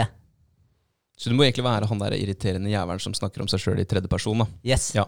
Og det, men det må man innimellom. Ja. Man må liksom gå litt ut av seg sjøl og titte ovenifra og ned. Jeg bare kom på en, en liten, et ordtak som eh, svigermor sa til meg her for litt siden. At livet er som en kommode. Det er skuff på skuff på skuff. og det er faen meg satt, da. Og så handler det om å liksom prøve å finne noe bra oppi alle de skuffene, da. Mm. Ikke sant? Så det var sånn jeg dro det videre. da Jeg hørte bare skuff på skuff på skuff. Du vet åssen med dere her Faen, ass. Nei da. Det var litt kul, egentlig. Ja, ja, helt klart. Ja. Men, eh, men ja, så, så, men, så det er der du i hvert fall starter. da. Det er det ene punktet. Det er å faktisk tenke på deg sjøl som en person som du bryr deg om. Og da er det jo litt det her med at hvis du virkelig er en person som du bryr deg om, hvis du, hvis du ser på dagen din, hvis du ser på uka di, måneden din, året ditt, og ser hva det er du faktisk Hva, hva er det du gjør? Se, se siste uka Dere må ikke svare på det, dere kan svare på det hvis dere vil, men uh, siste uka, hvor mange vaner hvor mange ting er det dere har reflektert over som dere har tenkt ok, det her er ikke nødvendigvis bra for meg. Jeg burde begynne å gjøre det her. Og sannsynlighet for at dere har gjort det den siste uka, er jo mye mindre enn sannsynligheten er for at dere har gjort det den siste måneden. Mm. Uh, Jeg har gjort det den siste uka. ja. Absolutt. Jeg ja, tipper tre, tre ganske Eller to ganske store punkter som jeg har liksom tatt opp med meg sjøl, ja. og én liksom mindre. Fett. Er det noe du har lyst til å dele? Uh, det ene, kanskje, Ja. det er uh, telefonen. Mm. Den, det blir en dårlig vane. Eh, og så blir man påvirka av de man bor sammen med òg, ikke sant? At uh, sitter hjemme med telefon, så er det lett å dra opp telefonen for deg òg. Men da, har jeg sagt til meg sjøl at det, det skal ikke påvirke meg, jeg skal heller være et godt eksempel. Og da får, uh, får jeg legge fra meg telefonen. Det er det ene. De to andre trenger jeg ikke å ta høyt, for det er, eh, det er uh, mer eh, personlig. Ja, men det er fair Jeg enough. har én ting i hvert fall. Ja. Og det er at jeg må begynne å legge meg tidligere på kveld. Ja. Ja. Fett. Den har jeg tenkt på flere ganger denne uka. her. Ja. Det er et problem jeg har, egentlig. Ja, Ja. For å helt ærlig. Men, men, hva, men hva er problemet? Er, er det at du ikke kommer deg i seng, eller at du først ikke får sove når du først legger deg, eller hva, hva er uh, issue? Nei, altså Jeg syns det er deilig når liksom dagen har liksom roa seg, og liksom bare Da får jeg liksom slappe av skikkelig, og da sliter jeg liksom å å, ta steget til senga, liksom. å ta steget til ja. Ja. Det er deilig å bare få roa ned da, skikkelig eh, etter at dagen liksom er Men da må du avslutte dagen tidligere, da. Ja. Det er jo det som er svaret. At du må da legge fra deg, og så heller ta den roperioden du trenger før du legger deg, litt tidligere. Helt klart. Ja. Så det er det jeg må jobbe med, da. Mm. Eh, der er jeg Den fungerer ganske bra på telefonen, en sånn alarmsetting. Så bare sånn nå er det, Jeg får en varsel. Nå er det 30 minutter til du skal legge deg. Mm. Så blir jeg påminnet. Å, shit, da må jeg gjøre meg klar for senga. Sånn at jeg i hvert fall får 30 minutter til å roe meg før lights out. Og så har jeg begynt å lese mye, da. Det, og da blir man naturlig ganske trøtt når man ligger i senga og leser. Ja, for du leser på senga? Ja. Nice. Gjør det. Nå leser jeg Jeg leser Seven Habits, faktisk. Ja, Of Highly Effective People. kult. Så det er kult. Jeg har den eh, 30-årsutgaven, den 30-års anniversary-utgaven til, til han Covey. Em, og der er, er det noen sånn forord av en som heter Jim Collins, som uh, er en, eh, på en måte en student av han, da, og sønnen til Covey. Så det er ganske interessant å lese om hvordan det har vært å være sønnen til han som har kommet med de syv uh, grunnprinsippene som veldig mange suksessfulle mennesker og, og andre bruker som en slags guide da, for, å, for å leve livet sitt. Eh, og det er kult. Han uh, det var en gjeng med, med mange søsken, og han uh, Sean, er det ikke det han heter? Sean Covey, eh, sønnen, han uh, merka jo det at de prinsippene de var ikke, var ikke så tydelige når han var ung. Det var mer sånn hat. Det var sånn der, ah, faen, det er pappa, han driver og maser på meg hele tiden. ikke sant? Og Det er interessant å tenke på. Og så ser han da etterpå hvor mye det har påvirka han, og hvor mye positivt han har fått ut av det da, som voksen. At eh, faren hans var tydelig på det. da. Og han eh, sa det at de som barn, de var egentlig eh, eh, Han eh, Jeg husker ikke hva han heter. Er det Covey Stephen R. Covey. Steven heter han, ja. Ja. St eh, Steven brukte da barna sine som de første studentene, da. Mm. Måtte teste ut prinsippene. Så det er litt kult. Eh, det er sju habits, og vi har gått gjennom dem har vi ikke, på en podkast. Eh, og han har brukt da er det 60 år av livet sitt på å samle eh, de beste måtene å leve livet sitt på for å være eh, den beste versjonen av seg sjøl. Så han har brukt 60 år. Så han har ikke funnet opp det her. Det er bare at han har samla de og syntese- eh, syntesert de til det det har blitt, da, de syv. Mm. Så det er kult. Det er, det, er, det er dritfett. Det er dritfett. Eh, men da har du liksom tilbake til det her med å ta vare på deg sjøl. Skaffe sånne vaner, da, som du sier. da, altså, Espen, ta oss og legge deg tidligere. Ta kvelden tidligere. Men da er det jo det å få det nå ikke sant? Hvis du er da en som du virkelig bryr deg om, da tenker du ikke bare at du skal legge deg tidligere. Nå har du sagt det til deg sjøl hvor mange ganger. Nå er det på tide å gjøre det. Gjør de tinga som du ville den personen som du brydde deg om, skulle gjøre. Mm. Det som er best for deg. Ja. Så Vi er veldig flinke til å si hva andre skal gjøre, og så er vi veldig dårlige på å gjøre det sjøl. yes. Mm. Så, så det, er den, det er den ene greia. Uh, at dere hele tiden tenk det. Hva ville du at den personen du, skulle, du hadde brydd deg mest om, hva ville du at den skulle gjort i den settinga? Hva er det beste for den personen? Mm. Og så gjør du det. Prøv i hvert fall. Det er ganske rart det med å legge seg tidlig og stå opp tidlig, hvor mye lettere det er når du Det er ikke rart, da, men det, er, eh, det kan være en cookie som man kan ta med seg. Når du har en avtale med noen dagen etterpå, en, en annen person, type, du har et møte med noen, eller du har en treningsøkt, eller du har, eh, du skal ta, du har en legetime, eller hva faen det er for noe, da, så passer du på å legge deg tidlig, og du våkner på alarmen med en eneste gang, og det er opp av senga, for du er dritredd for å komme for sent. Mm. Mens når du har en avtale med deg sjøl, da gir du faen. Yes. Og det, er, det er så jævlig interessant, det der, fordi Ja, eh, Sant. Mm. Ja, for det, ja, altså Tenk deg hvor mange ganger du har sagt til deg sjøl at du skal gjøre en ting. Og så har ikke ikke- stikke kniv i Jo, jeg skal bare stikke den vrien rundt akkurat nå, for det her gjelder meg Ja, sjøl gjelder òg. alle. 100 Ja. Men tenk deg hvor mange ganger, da. Eh, Altså, si, at, si om du var bestevennen din, da. Og så, så sier du alle de tinga som du sier til deg sjøl, og, så- og, så bare- og så fullfører du det ikke. Så det så det er treningsøkta i dag, det ble en misforståelse. men, men tenk deg da, hvis hver gang du lagde en avtale med, med en person, da, så bare møtte de ikke opp på Jeg, jeg tenkte på det i stad når du Ja. drev og skrøt av at du var så pl- pliktoppfyllende og sånt, og så tenkte jeg skulle si det, men jeg sa det ikke. Nei, men, men, men, altså, men poenget, da, så liksom, tenk om du hadde laga den avtalen med deg sjøl. Bare sånn, ok, nå, må jeg, nå, må jeg, nå skal jeg begynne å stå opp tidligere. Nå skal vi begynne å stå opp tidligere. Og så bare driter du i det første dagen. og så er det bare sånn Så jeg, jeg tror at det, når du gjør det her om og om igjen, da Du, du slutter å stole på deg sjøl. Du slutter å ta deg sjøl seriøst. Fordi du vet at du er en person som ikke fullfører det du sjøl sier til deg sjøl. Igjen tilbake egentlig til den japanske sayinga med at krigeren i deg hører det du sier, mm. og du fucker med den krigeren i deg. Og det er, det, er, det er nesten hver dag i uh, alle de jeg kjenner sitt liv, den her slumreknappen. Ja. Og da, da avbryter du, eller du, du feiler, da. Det er det første du gjør, og du skuffer deg sjøl. Du skuffer deg for du har lagd en avtale med deg sjøl dagen før. Mm. Og det er, det er det første du gjør den dagen. Og det har ripple effects utover dagen igjen òg. Hvis du da slumrer, så betyr det at du kaster bort tid du har satt av. Eh, og du vil da sannsynligvis ikke få tid til å re opp senga di, som du har også avtalt med deg sjøl at du skal gjøre hver eneste dag. Og du får sannsynligvis ikke tid til å kanskje ta den treningsøkta du hadde avtalt med deg sjøl, fordi du starta dagen med én eh, skal si, et, ett nederlag. da. Mm. Én skuff av mange skuffer i en kommode. Yes. Mm. Ja, altså det, for, det forplanter seg så sinnssykt utover. Men, men, det er, men det er en veldig interessant måte å tenke på det på. fordi altså vi, vi prater jo hele tida med oss sjøl. Vi har jo en indre dialog. Det er som at vi er to stykker. Mm. Hvis man tenker sånn på det. Hvorfor, hvorfor den indre dialogen? Hvem faen er det du snakker med? Jo, det er jo det er jo deg sjøl. Det er jo for å klare å bearbeide. Du gjør jo avtaler med deg sjøl. Ja, I morgen, da, da Espen, da, da skal jeg stå opp eh, tidlig, liksom. Du, du snakker jo med Ja. deg sjøl når du gjør det. Da tenker jeg vi er tilbake på det der eh, med treninga òg.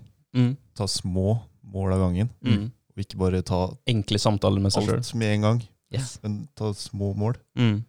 Litt og litt forbedring for hver gang. Ja. Ja. Og da, da har du kanskje en lettere dialog med deg sjøl òg. At du ikke Mm. sier til deg sjøl at du skal faen meg løfte 200 i benken neste uke. Mm. Og så gjør du ikke det. Det er, sånn her, ah, det er bra jobba, Espen. Du skal ta noen reps på benken, eh, komme i gang igjen. Og så gjør du det dagen etterpå. Så bare, det er jævlig bra jobba, Espen. High five. Du er din egen Du er din egen beste treningskamerat. ikke sant? Mm. Så være litt snill med seg sjøl. Yes. Um, apropos det der med din e egen indre stemme, da. Fordi det har vi snakka om før, og jeg, jeg ble litt mindfucka av det når vi snakka om det sist gang. Uh, fordi da tror jeg vi snakka om hvem man er av sender eller mottaker. Og jeg klarer ikke å bestemme meg. For jeg, jeg har tenkt på det masse, og jeg har snakka med flere. Altså, Hvem er du da, hvis du sier til deg sjøl at du skal ta en treningsøkt i morgen, og så er han Du sier det til deg sjøl, og så, er du, så tar du imot den beskjeden, eh, og så gjør du det ikke. Hvem av dem er du da? Er du han som har sagt at du, skal, du skulle ha gjort det, eller er du han som ikke gjorde det han som sa at du skulle gjøre? Ja. Mm. Hva mener du, Espen? Det er han som ikke gjorde det. Du er han som ikke gjorde det. Mm. Mm. Ja, det, Ja, du, jeg må tenke litt på den. Ja, ja den jeg- er, jeg den er vrien å bare få rett i trynet. Men, Han som ikke gjorde ja. Ja, for du sa til deg sjøl Ja.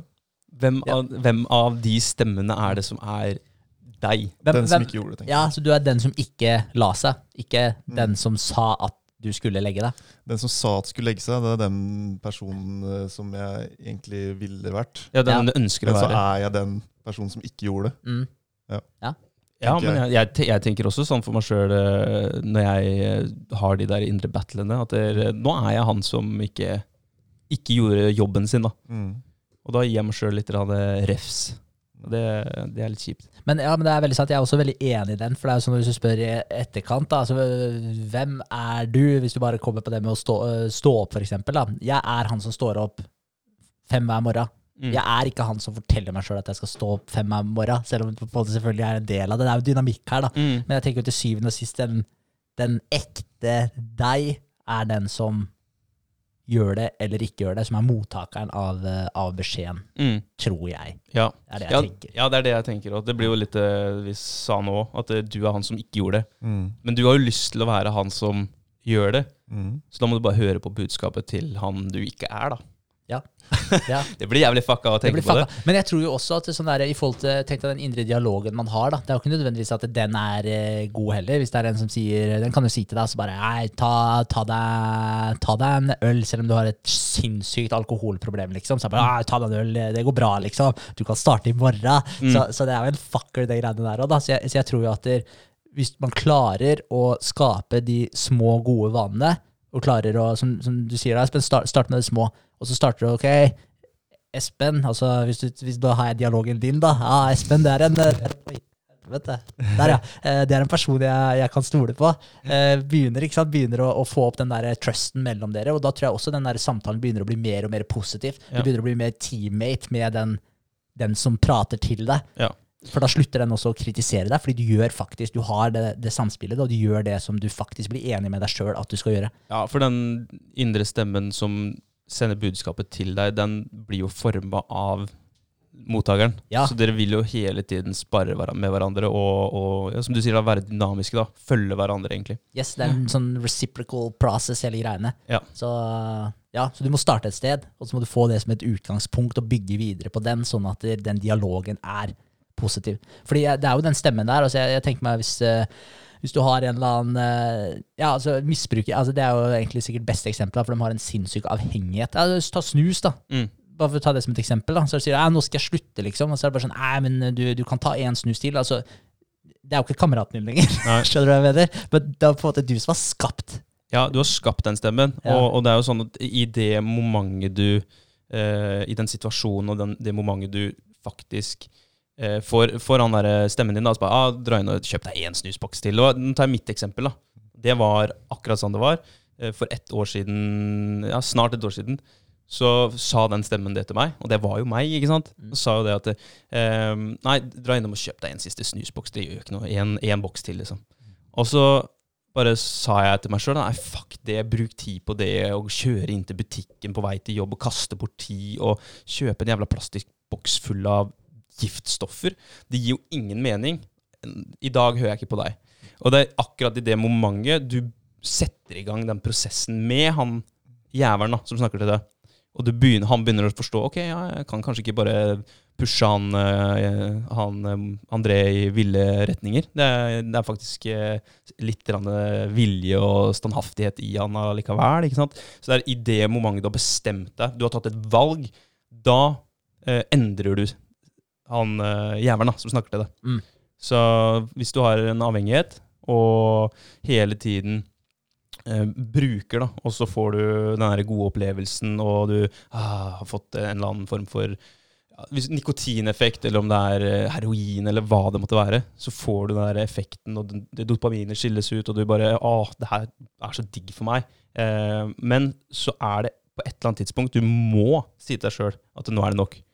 Eh, og der, da, når du sier til deg sjøl at du skal slutte, eh, da vil jo det det vil jo ha en effekt på den indre stemmen, men man må ha litt rann, hva skal jeg si, man må ha litt rann hjelp av de rundt seg. Da. For hvis du er i et miljø, hvis du tar narkotika, da, hvor flere av de som er rundt deg hele tiden bruker eller misbruker, så vil jo den stemmen få Den som sier at ta, ta en dose til, eller et eller annet sånt, den vil jo få hjelp. Den vil jo få folk til å støtte seg på. At ok, vi kan ta en til. Mm. Så du må på en måte fjerne deg litt fra det elementet, eh, litt fra det miljøet, og så sitte der sjøl. Ja, for den stemmen vil sikkert søke det miljøet også. Bare sånn, ja, men uh, dra, til, dra til de, ja. Ja. Det, er, eh, det, det blir gøy, ikke sant? Og så er det bare sånn fordi du vet at drar du dit, så skjer det.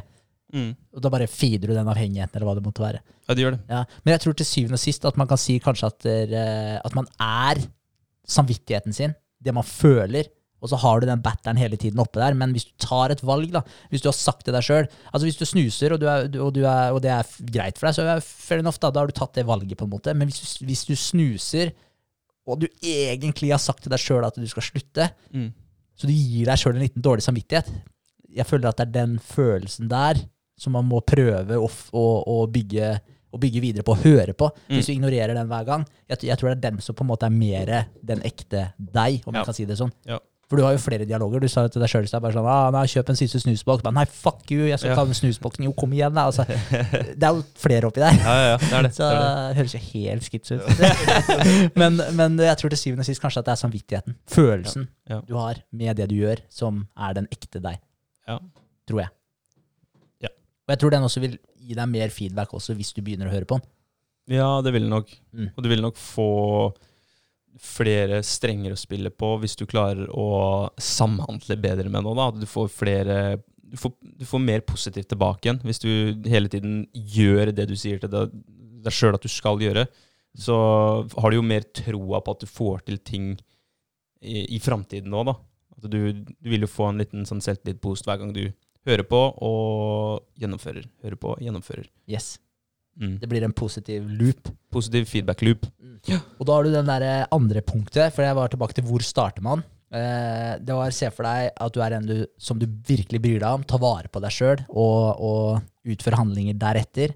Den andre tingen er finne ut hva du vil ha, og da mener jeg seriøst, sett deg på sofaen, ikke noe TV, skru av telefonen din, og bare sitt der og tenk og finne ut, ok, hvordan ser et bra liv ut for meg ti år fram i tid? Fordi hvis jeg kunne gått tilbake Eh, hvis jeg kunne gått tilbake ti år i tid, da, prata med, med 18 år gamle Henrik Berger, Mm. så, så tror jeg jeg hadde gitt meg sjøl en liten slap i trynet. Bare sånn Altså, dude, se hva du holder på med nå. Se hva du kan få til. Mm. Her er du nå. Se hvor, se hvor mye tid du kaster bort som ikke genererer noen ting for deg. Du tapper, Bare se på fylla. da, Faen, du er sikkert på fylla hver eneste helg. da. Så er det bare sånn, Se hvor mye penger du bruker på de greiene her, se hvor mye tid du kaster på det her. Se på helsa di med de greiene her. Hvor skal det her lede gjennom ti år? Mm. Og det var helg etter helg etter helg. da, Så jeg, så jeg kunne gitt en ganske sånn god preken til meg sjøl for ti år siden.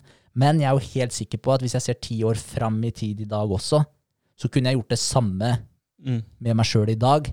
Så det gjelder jo på en måte å bli mer bevisst på den greia. da, Hvor er, hvor er det du faktisk vil hen? da, Sånn at det ikke er random i den retningen du går, sånn som det var da jeg var 18 år. Mm. For da var det veldig random hvilken retning jeg tok. Mm.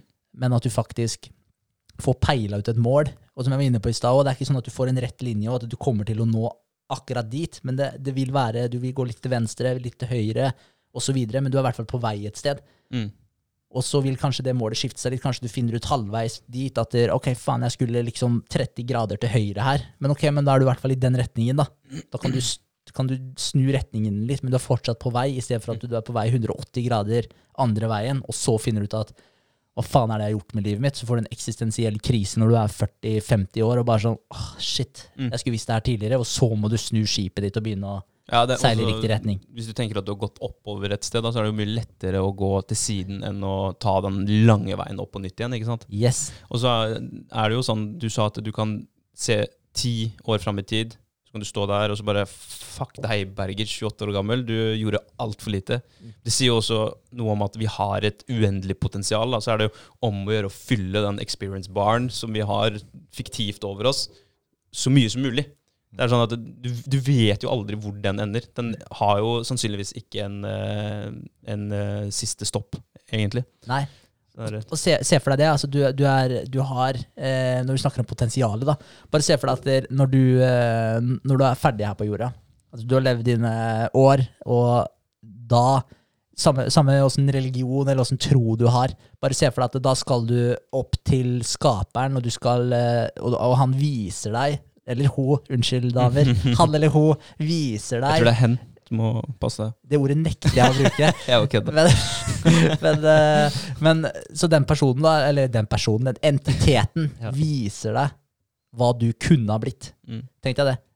Bare se for dere det, at dere kommer opp der, og så, så ser du, så viser den personen deg, eller den entiteten der, hva du kunne ha blitt hvis du realiserte hele potensialet ditt. Og så kan du da reflektere over livet ditt tilbake, og så kan du se hvor du kunne ha endt opp, da. Hvis du hadde maksa potensialet ditt. Det der høres ut som et jævla mareritt. Jeg har ikke lyst til å gå opp til han eh, entiteten og få den slappen i trynet. Han, hen, hun. Entiteten. Entiteten. Ja, ja men det er, jo, det er jo et fuckings mareritt hvis, Ja. hvis Du du, har har bort. kasta bort hele livet ditt. Ja, ja. Da er det et fuckings mareritt. Ja, men du sier at det, Men nå, nå, nå phrasa du det sånn at det var Du gikk opp, og så viser han deg hvordan du kunne vært uansett. ja, ja. U, u, ja, ikke sant? ja, men fordi jeg, jeg tenker jo sånn i forhold til at du har jo et, du har jo et potensial Mm. som du kan klare å realisere. Men jeg tror jo ingen i hele, ikke engang Elon Musk, realiserer hele potensialet sitt. Det er jeg helt sikker på. Ikke, ikke engang han. Men man kan komme nærmere. Men greia er at vi, sier, vi bare sier at potensialet er 100% og så sier du at der, så kommer du opp der, og så har du realisert 15% av det. Ja, det suger. Kontra du har realisert 50% av det, eller 60% eller 65% eller hva det måtte være. da. Mm. Men da syns jeg du skulle fått uh, av han uh, hun entiteten Hvis jeg skulle fått både uh, Hvis du hadde nådd 50 da Mm. Både dette kunne Hvis du hadde fylt opp til 99 eller 100 da Dette kunne vært deg. Mm. Samtidig, tatt på andre siden, nederst i skalaen det her, Hvis du kasta bort livet ditt helt, så kunne dette vært deg. Ja. Så du fikk liksom begge sidene av, eh, av saken. da Det er, eh, det er en, eh, et fair point, Ja, ja. helt klart. Ja. Men, men da er det sånn Men jeg skal ikke bestemme hva Mr. Entity Guy gjør, så gjør hva du vil. Ja, Ja. men det man tenker da, hvis man, hvis man bare konseptualiserer akkurat den greia der, så tenker man ok, igjen da, hvilken retning er jeg på vei i nå? Hva er det jeg vil ha? Og når jeg da skal stå til rette for eh, livet mitt, hypotetisk, Mm. er jeg fornøyd da med den retningen jeg har tatt? Kan jeg stå inne for de valga jeg tar i dag? Eller burde jeg endre litt kursen min i Mm. forhold til det jeg driver med? Så igjen da tilbake til å finne ut hva du vil ha, og sikt på det. De to tinga der, da. Hvis du starter med det, finne ut hva du vil ha, begynne å sikte på det, og så begynner du å behandle deg sjøl som en person som du virkelig bryr deg om, da har du et veldig godt utgangspunkt til å bryte opp de dårlige vanene dine, og til å faktisk skape noe godt for deg sjøl, Mm. og ikke minst de rundt deg også. Mm. Veldig kloke ord. Og Mm. det er jo Det er jo noe man alle kan jobbe med, uansett hvor man er i livet. Ja. Altså, jeg tipper Elon Musk hadde digga der, og Jeff Bezos og alle de, de svære Hva heter det? Mang, ma, magnat, Mogulene. Mogulene. mogulene. Mogulene, ja. Hva er det? Magnat? Maga, mag, magnat? Er det noe som heter det? Næringsstoff Nei. Ja, mogulene. Ja, altså han um, Gandhi og alle de store. Det, det er evigvarende, evigvarende utfordringer da, som kommer til å henge med oss resten av livet også. At det, Man har alltid en eller annen eh, bakside av sin medalje. Man har alltid en eller annen dårlig vane man kan endre på. Mm. Så Helt klart. ja, Men, kult. og, det, og det er eh, litt tilbake til det med ofre og sånn òg, da. Sånn som bare Uh, Skal jeg ikke hate på deg, Espen, men bare du tok det eksempelet ditt med det å legge seg om kvelden. da. At Ja, jeg har forsøkt meg med ja, men det er, det er et veldig bra eksempel å ta. Men det er jo sånn, altså, når man tar det uh, valget da, om å på en måte få Ok, du vil ha kvelden å slappe av på, bla, bla, bla. Altså, du, du vil ha den greia på kvelden. da. Men det man alltid gjør, uansett når man tar et valg, det er at man ofrer noe. Mm. Det du gjør, er at du ofrer jo egentlig litt starten på dagen etter. Ja. Kanskje du til og med ofrer eh, eh, hele, eller de, eh, mye av hele dagen etter, fordi kanskje du er trøtt, kanskje du må stå opp til et visst klokkeslett. Mindre effektiv og Alle har gjort det, liksom. Mm, Og du mm. går trøtt som faen gjennom den dagen og bare sånn Åh, hater meg sjøl, jeg skulle lagt meg tidligere. Mm. Og, så, og så kommer det neste kveld, jeg har gjort det her så mange ganger, så kommer det neste kveld, og så er det samme rulla igjen. Bare sånn. Nei, én episode til. og så, så er du der. Så, så, så det med at man alltid når man tar et valg, så ofrer man noe annet. Og det jeg egentlig vil fram til med det her, sånn generelt, da, når man tenker på Jeg, jeg tror ikke man er bevisst, da. Jeg har i hvert fall ikke vært bevisst på det tidligere, at uansett hvilket valg du tar, så ofrer du noe. Og hvis du tar et valg om å ikke finne ut hva det er du virkelig vil ha, og du hele tiden lever etter impulsene dine, eh, hva altså, samfunnsmaskinen driver og baker inn i deg, og du ikke tar de egne valgene på de greiene her, så til syvende og sist, det du ofrer, er drømmen din. Fordi du, du, du vet aldri hva drømmen din er, for du har ikke Mm. gått og satt deg ned og tatt stilling til det. Så da er det faktisk drømmen din du ofrer for å sitte og se på TV, eller for å sitte og spise fast food, eller mm. sitte og spille et spill. Jeg, jeg vet da faen, jeg, men så, hver gang man tar de valgene her, så ofrer du et eller annet. Og jeg tror det er så sinnssykt mange der ute som ofrer drømmen sin Hver eneste dag. Ja. hver dag. Ja. Mm. Fordi man ikke vet hva det er. Yes. Ja. Og ikke, ja, ikke har fått eh, et bilde på det, da. At du, du har Du har alltid et valg ut ifra det scenarioet du er i, og så er det sånn at du, som person har en milliard eh, tanker i hodet ditt hele tiden. Og så plukker du ut noen av dem, og så baserer du valga dine ut ifra de, ikke sant? Og så er det noen som er mye bedre enn andre, men du har alltid muligheten til å justere deg på hvilke, hvilke valg du tar. Og så er det sånn at du, eh, hvis Vi har snakka om det før òg, du kan være impulsiv og du kan være spontan, men det er, det er uansett du som tar valget, uansett om du skylder på spontan, spontanitet, eh, spontanitet eller impulsivitet. Det er, det er deg, det er din karakter valget eh, kommer ut av. Mm. Så før du tar det valget, altså og du, du ofrer én ting for en annen ting, eh, så har du den karakteren i bakgrunnen. Så hvis du da eh, sier fire hvis, hvis du vet at der 12. desember, da, så får du et eh, valg som enten kan gi deg en million, eller kan eh, gjøre at du taper en million. Uh, og du vet det. eh, det, det, kommer, det ligger i hodet, hodet og i tankene dine hele tiden, fra i dag og til 12. desember. Hvis du former karakteren din med positive ting, hvis du feeder deg med positive ting hele tiden, så øker jo sannsynligheten for at du tar det riktige valget, som gir deg en million, kontra å ta det valget som gjør at du taper en million. Si det er et valg om å bare, bare et enkelt eh, valg om å, å selge huset sitt. da. At du selger det i det riktige tidspunktet, at du får den millionen i overskudd. Eller om du drøyer til neste år, og så taper du en million. Så hvis du da feeder dine egne tanker, klarer å strukturere tankene positivt hele veien fram til det valget, så er jo sannsynligheten mye større for at du tar det riktige valget. Mm. Setter deg sjøl opp for å vinne. Yes. Det var uh, kult. Ja, det er veldig sant. Og der er du litt også tilbake til det med å faktisk tro på et godt utfall, da, i stedet for å tro på et dårlig utfall. For da Mm. man lar man seg sjøl hele tiden slippe unna det med å ta de møkkavalga. da. Mm. Og hele tiden leve etter den der impulsive greiene. Men tro på et godt utfall, se for deg målet ditt, hvor er det du vil hen, og begynn å ta valg deretter. da. Og da må du kanskje droppe den ene ferieturen, da, da må du kanskje droppe å dra på den ene hytteturen, eller hva det måtte være. da. Må du kanskje droppe å dra på fylla x antall ganger, da. kanskje du må droppe en sommerfest. altså. Mm. Kanskje du må droppe fastfooden, droppe TV-en. altså det, det er så mye greier du må ofre, men, men se på hva du hva annet du ofrer hvis du ikke er villig til å ofre de tinga der. Mm. Bare tenk, Tenk det store bildet. yes, For du ofrer alltid noe. Det er Mm. det jeg vil fram til. Du ofrer alltid noe. Mm. Så da er det spørsmålet bare hva er det du vil ofre? Nice. Mm. Det, er, eh, det er visdomsord vi har eh, kommet med her i dag. Ja, det, ja, det her er, det her er jævlig kult. Er, eh, men, men igjen, da, når man er bevisst på det her Du er prone til å få mye dårlig samvittighet. Mm. Ja, det er det. det, er det. Og, og sitte og høre på det her så får du sikkert mye dårlig samvittighet. ja, men, eh, ja, Men, men, men jeg, jeg, jeg syns det er dritkult, og så syns jeg eh, mange har veldig godt av å høre det, og mange har veldig godt av å uh, ta et valg uh, ut ifra eh, Plukke opp en bok bare, og så sitte og lese istedenfor å se på Netflix. Den, den boka vi har snakka om i det siste, den uh, As a Man Thinketh, Ja. eller As a Woman Thinketh, da, som et menneske, Ja. da. Eh, den har gitt Faen så politisk korrekte vi har blitt her. ja, ja, nei, sorry. Ja.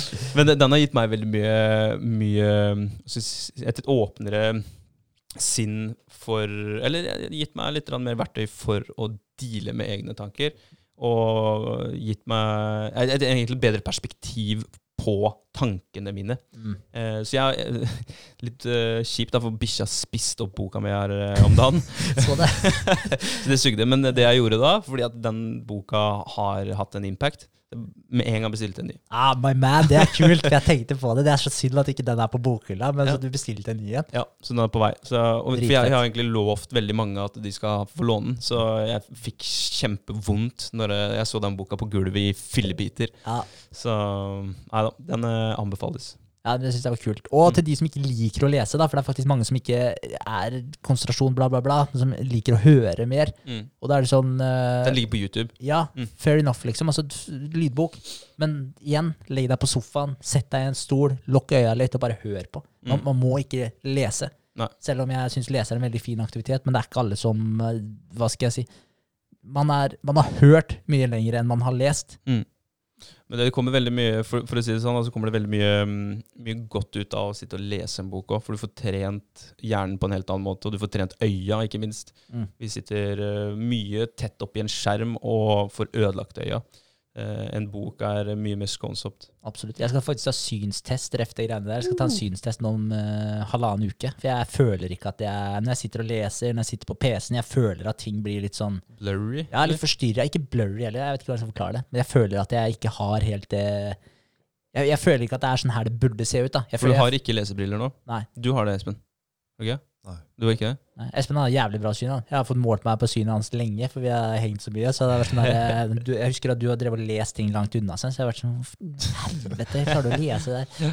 Så jeg vet at jeg ikke har helt optimalt syn. Mm. Og begge foreldrene mine bruker jo øh, Pappa har tatt sånn øyeoperasjon, og mamma bruker øh, lesebriller. Mm. Så, så jeg veit jo at jeg er prone til å få det. Men jeg tenker jeg skal teste det. Se, kanskje det blir en helt ny verden. Hvem vet? Mm. Og så går det an å motvirke degenerasjonen av, av øya også. Da. Vi snakka om det litt for litt siden nå. Det der med å uh, være ute og så bare se langt bort. At du får, du får tatt noen reps med øya da, som ikke er foran skjermen, som gjør det motsatte. Så det, det er ikke dumt. Nei, det er ikke det. Mm. Det er ikke bra å sitte og glo på den hele tida. Det er ikke det. det, er ikke det. Hodet ikke. Um, vi har ikke hatt noen uker eller noe sånt nå. Skal vi bare Frese gjennom. frese gjennom, ja? Ja, jeg har hatt møte med mentor. Det var uh, sjukt nice. Ålreit uh, at han er tilbake fra ferie igjen. Uh, jeg har uh, sendt av gårde søknad om markedsavklaringsstøtte eh, til Innovasjon Norge. Da er det snakk om å få 100 000. Mm. Eh, så det håper jeg og tror at vi skal få, eh, for vi har en, føler vi har en bra case. Uh, ellers så har eh, Vegard ordna markedsundersøkelsen, eh, digitalisert den, fått eh, distribuert den litt.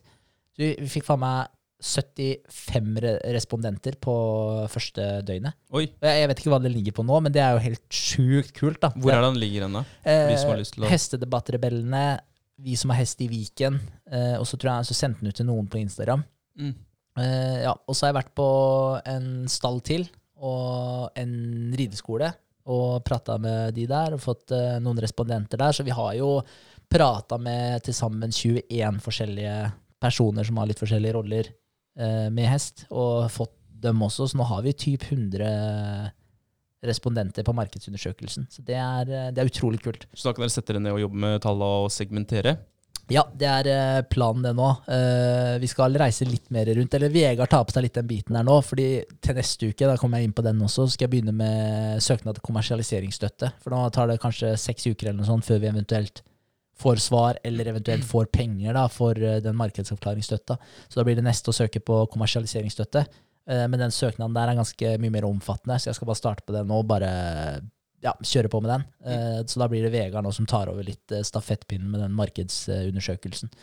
Så, men da blir det Han skulle lage noe sånn derre eh, spider diagram, heter det. For da ser du liksom Se for deg sånn spindelnett. Du har sikkert sett det i forbindelse med litt trening og sånn type ting. Er det, skjønner dere hva jeg mener da, med sånn spider diagram? Jeg tror jeg kan se for meg det. Ja, på sånn type spindelvev, og så har du liksom poeng eller spørsmål eller et eller annet på punkter ytterst, og så ser du så har du en, for eksempel en skala fra 0 til 5 ut fra senter av spindelvevet og ut til kanten. Eh, Og så, så har du liksom et punkt da kanskje på to eller tre, eller hva det måtte være, da, så, så ser du liksom hvor, eh, hvor du har best score, da. Mm.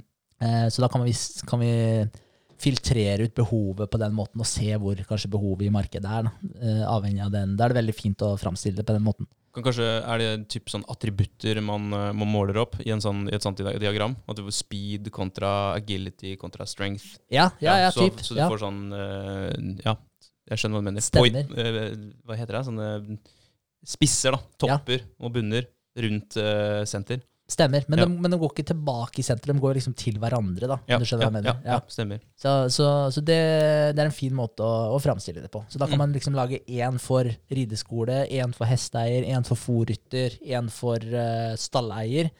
Uh, og da kan man se liksom behova veldig enkelt på de ulike segmentene.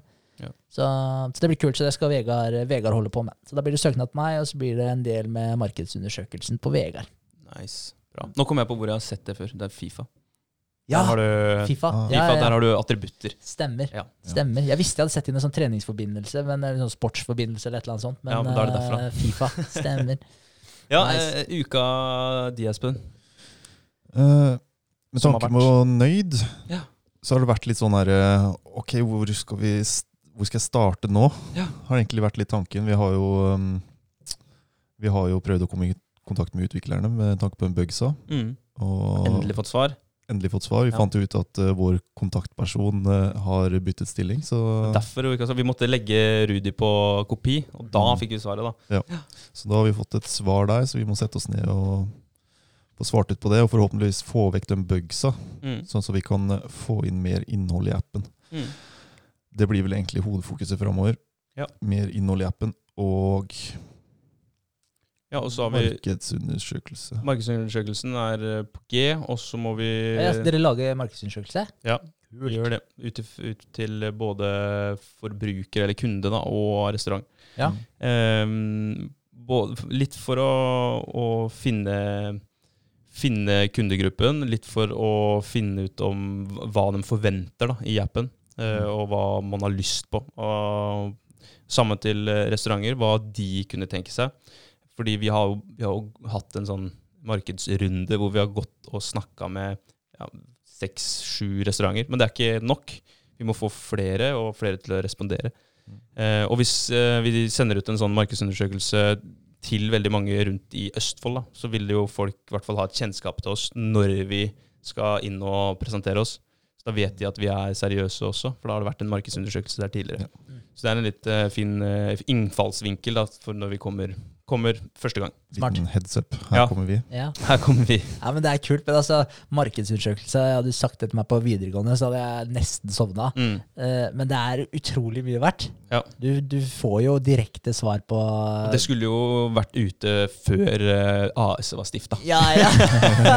Der brant vi også. Ja. Så det var så første jeg skulle lage markedsundersøkelse, var jeg sånn ah, Fuck, hva, hva om vi får skikkelig dårlig responser? Hva om folk ikke vil ha produktet i det hele tatt? Og da, da begynte jo de tankene å komme. Så, Men, der- men der er jo vi eh, litt sånn Nå Hva skal vi si? Vi er, vi er litt fleksible der òg, da. Fordi jeg har bestemt meg for at eh, Nøyd skal eksistere uansett. Mm. Og vi, hvis ikke de er interessert i akkurat det vi har nå, så tar vi de svara vi får, og så skaper vi noe de, de er interessert for ut ifra det, da. mm. Så, Vi kan jo tilpasse oss underveis, vi òg. Ikke sant? Altså, klarer man ikke å tilpasse seg, så har du konkurs om fem år. Det Mm. er ikke noe Eller det, vi går ikke konkurs. det er ikke så kostbart å holde det her flytende. Men, men eh, ja, nei, du, du oppnår ingenting i hvert fall hvis du ikke er tilbøyelig eller fleksibel eller Mm. uh, tilpasser deg markedet eller tilpasser deg kunden eller restauranten eller hva det måtte være. Så det, det er kult. Ja, Så hva var det jeg skulle si? Uh, sorry. Ja, nå datt jeg litt ut av den tanken. Men uh, Unnskyld. Men da kan jeg si en ting, eh, så kanskje du kommer på det. Mm. Eh, Men jeg tenkte på det du sa Nei, nå datt jeg ut av det. Kødder du, eller? Jeg hadde en bra tanke i forhold til uh, jeg falt helt ut av det. Det var et eller annet jeg skulle si. Ja, jeg har det. Eh, I forhold til, Jeg hørte på en podkast i stad, eh, og da snakka han Det er jo han der Hva er det han heter igjen? Han som har The Golden Circle. Simon Sinek. Ja.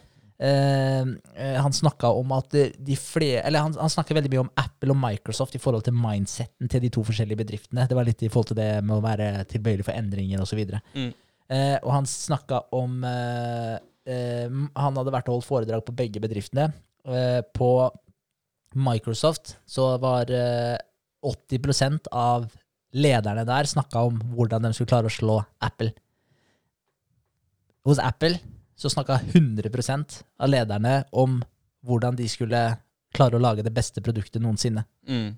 Så den ene har fokus på konkurrenten, og den andre har fokus på framtida. Og det han sa, da, at, var at der, okay, hvis du har en eh, Hvis du ser på topp eh, Jeg husker ikke hva han sa, topp 50 bedrifter eller et eller annet sånt, så er det eh, Så er alle, eller ikke alle kanskje, men sånn 90% av dem er under 30 år gamle. Og han sa de fleste, og så er det sånn, ok, hvordan måler du den beste bedriften? For det, du kan jo være sånn der, ja, man har flest brukere, man har flest omsetning, man har best eh, hva skal jeg si, spredd mest globalt. altså Det er så mange faktorer. Du kan, så det er på en måte et litt sånn der urettferdig spill, for det spørs helt hvilke faktorer du ser etter. Men det han sa, var at ikke, ikke, ha, et sånt, ikke ha et perspektiv på 30 år, liksom. Ha et evig perspektiv.